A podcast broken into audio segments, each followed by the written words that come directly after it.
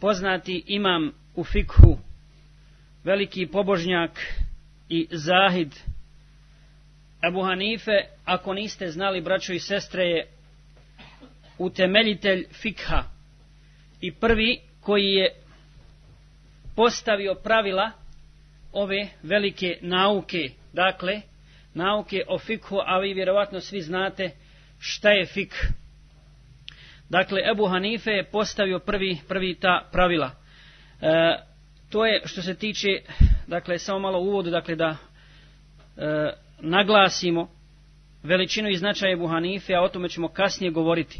Naime, ja sam želio večerašnjim predavanjem e, prije svega spomenuti nekoliko stvari. Najvažnija stvar koju želim večera spomenuti i naglasiti jeste...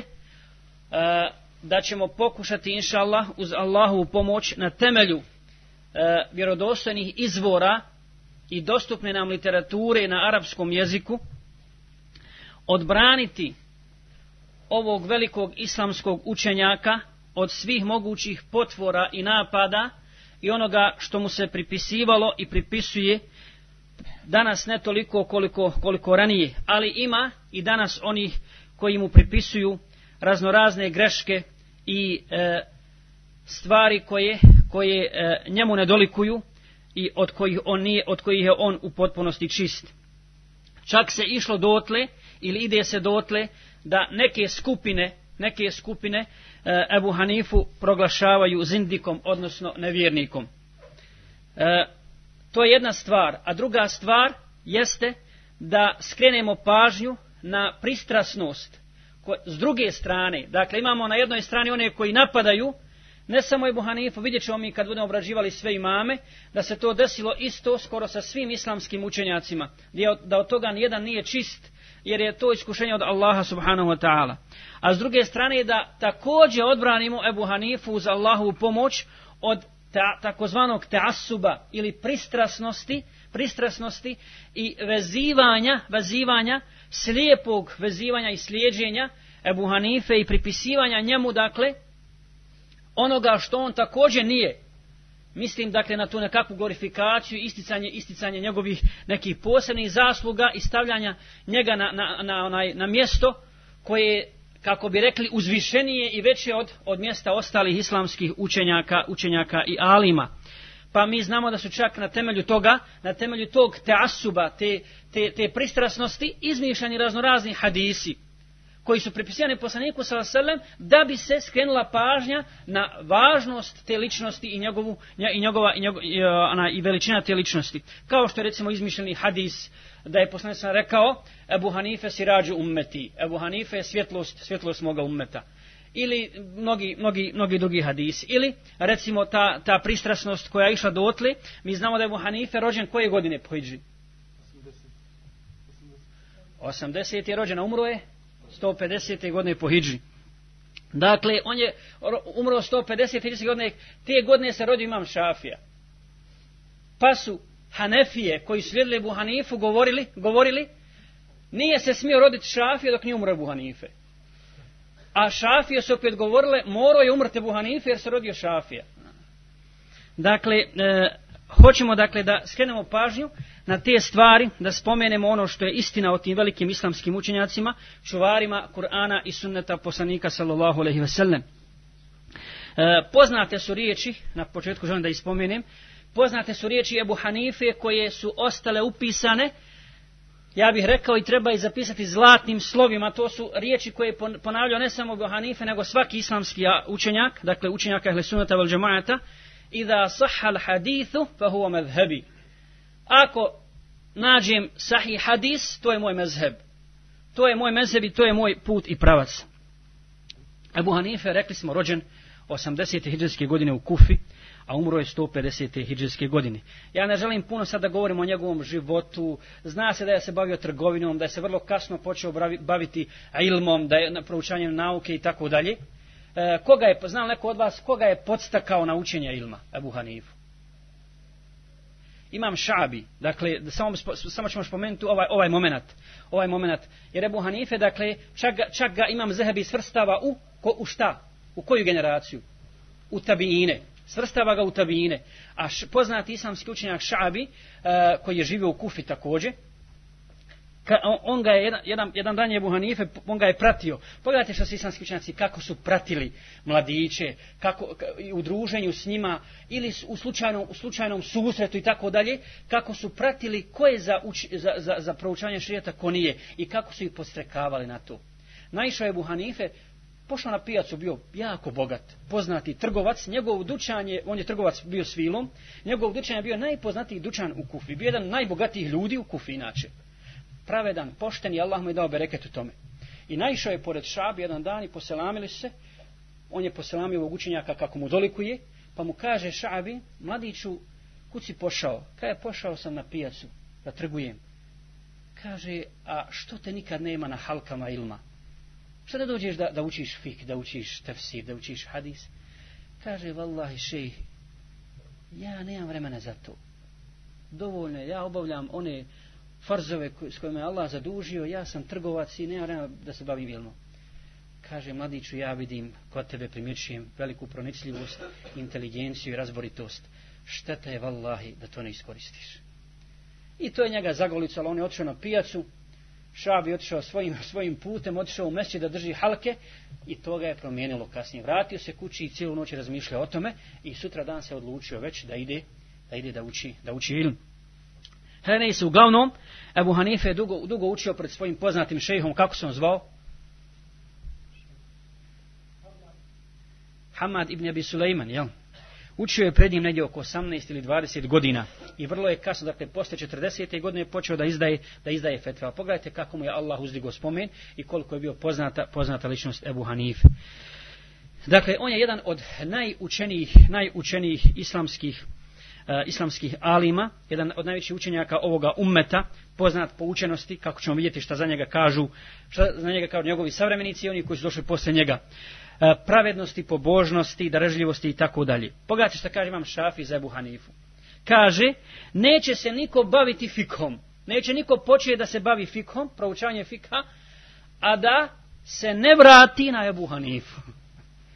A da ne bude, a da ne postane član porodice Ebu Hanife, jer je on utemeljitelj fikha. Jer je on utemeljitelj fikha. Pogledajte što kaže Ahmed ibn Hanbel, rahmetullahi alaih za njega, kaže, Ebu Hanife je u pogledu ilma, zuhda, odricanja, dakle, skromnosti od unjaluka, pobožnosti, božnosti, bio na takvom stepenu da ga niko od nas nije mogao dostići. Da ga niko od nas nije mogao dostići. I bio je bićevan zbog toga što nije htio da prihvati da bude, da bude glavni kadija u Kufi. To kaže Ahmed ibn Hanbel. Zatim, eh, Ali el Medini, poznati također Fekih i Muhaddis, kaže za Ebu Hanifu, Ebu Hanife je povjerljiv čovjek u fikhu i u hadisu. A Sufjan, Sevri, ka, Sufjan ibn Ujajne kaže, moje oči nisu vidjele nekog poput, nekog poput Ebu Hanife. Abdullah ibn Mubarek kaže za njega, znate koji je Abdullah, Abdullah ibn Mubarek?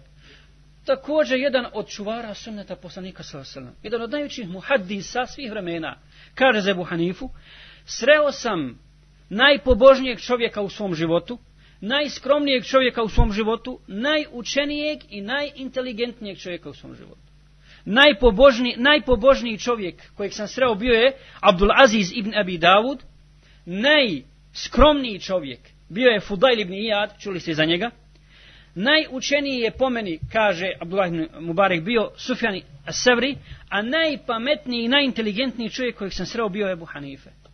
Bio je Abu Hanife. E, Spomenut ćemo jedan slučaj također, braćo i sestre, ovdje vezan za Ebu Hanifu, odnosno za te učenjake tada. Kako su se oni odnosili jedni prema drugima? Spominje se slučaj da je e, Sufjana Sevrija, njegovog brata, koji je umro, pa su došli ljudi da mu izraze saučešće. Između ostali došao je Ebu Hanife. Kad se pomolio Ebu Hanife, Sufjan Sevri je bio odmah ustao prema njemu. Nije ustao kad mu je došao bilo ko. A Sufjan Sevri je bio ko? On je bio predstavnik škole Koje? Tada su bile već dvije škole. Dvije škole. Dakle, škola mišljenja i škola, takozvana škola sunneta. Do, do, he? E, tradicionalisti i racionalisti, uslovno rečeno. Ebu Hanife je bio predstavnik ove škole, ehlo rej, škole mišljenja, a Sufjan Sevri je bio predstavnik tradicionalističke škole, koja se držala samo do osnovnog teksta hadisa, odnosno Kur'ana, Kur'ana objavlja Allaha subhanahu wa ta'ala. U donošenju fetvi i tako dalje. Kaže, pa je ustao Sufjan Seri prema Ebu Hanifi da ga dočeka. I njegovi učenici koji slušali Sufjan Seri, se krivo im je bilo toliko kaj vidi prema kome on ustaje. A nije ustao ni prema jednom učenjaku koji se, koji se iz naše skupine, iz naše skupine kad smo dolazili. I kad se skup razišao, a oni su međusobno klevetali Ebu Hanifu dok su, dok su bili tamo odvojeni i pričali protiv njega, kad je, kad je se skup razišao, prišli su oni svom šejhu, Sufjanu Serviju i kažu, šta si uradio šejh? Mi nismo zadovoljni s onim što si ti uradio. Ustao si prema čovjeku koji uvodi novotarije. Ustao si prema čovjeku koji to nije zaslužio i sad će narod to slijedi tebe u tome. Kaže Sufjan Seuri, zar ti to ne bi uradio? Zar nije zaslužio ovaj čovjek da se ustane zbog njegovog ilma? Ako nije zaslužio da se ustane zbog njegovog ilma, zar nije zaslužio da se ustane zbog njegovih godina? Ako ni zbog toga nije zaslužio da se ustane, da se ustane pred njim, zar nije zaslužio da se ustane pred njim zbog njegove bogobojaznosti, zbog njegove pobožnosti? A ako ni zbog toga, zar nije zaslužio da se ustane zbog njegove inteligencije, zbog njegovog fikha, po kojem je poznat? Kaže pa je ovaj Ibn Ameš, poznati također onaj učenjak islamski, koji je e, bio u halki Sufjane Sevri, zašutio, kaže, vallaha me je pridobio.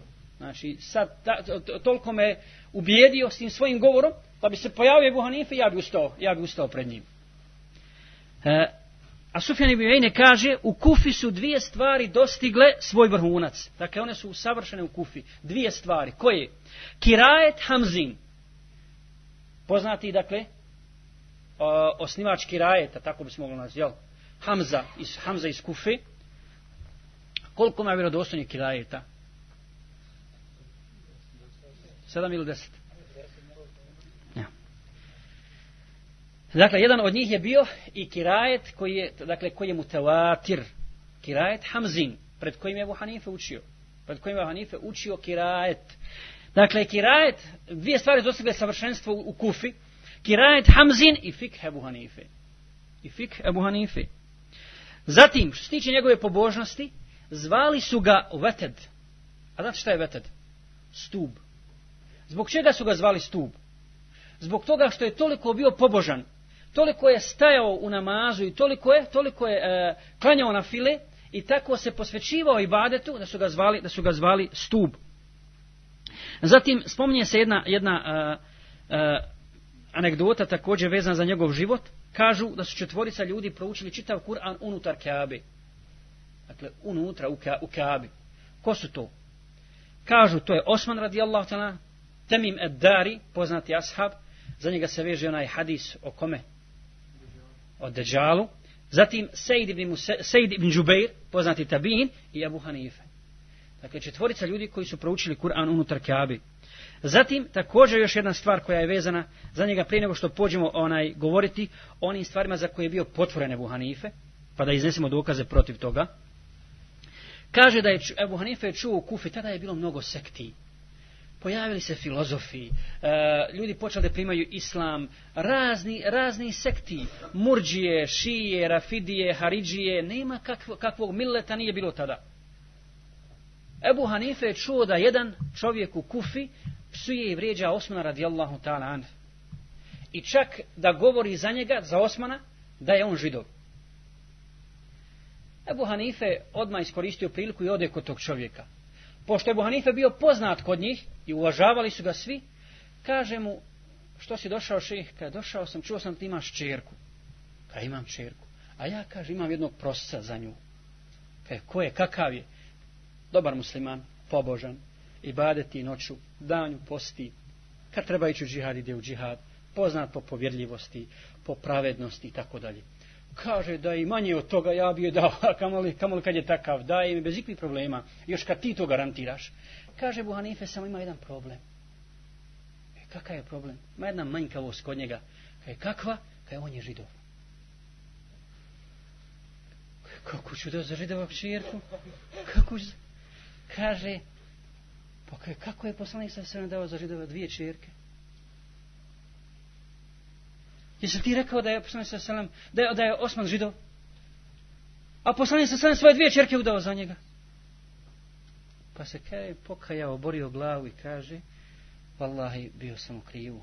Molim Allah da mi oprosti zato što sam govorio o Osmanu. Dakle, pogledajte pronicljivosti, pronicljivosti i mudrosti, mudrosti Ebu, Ebu Hanifi.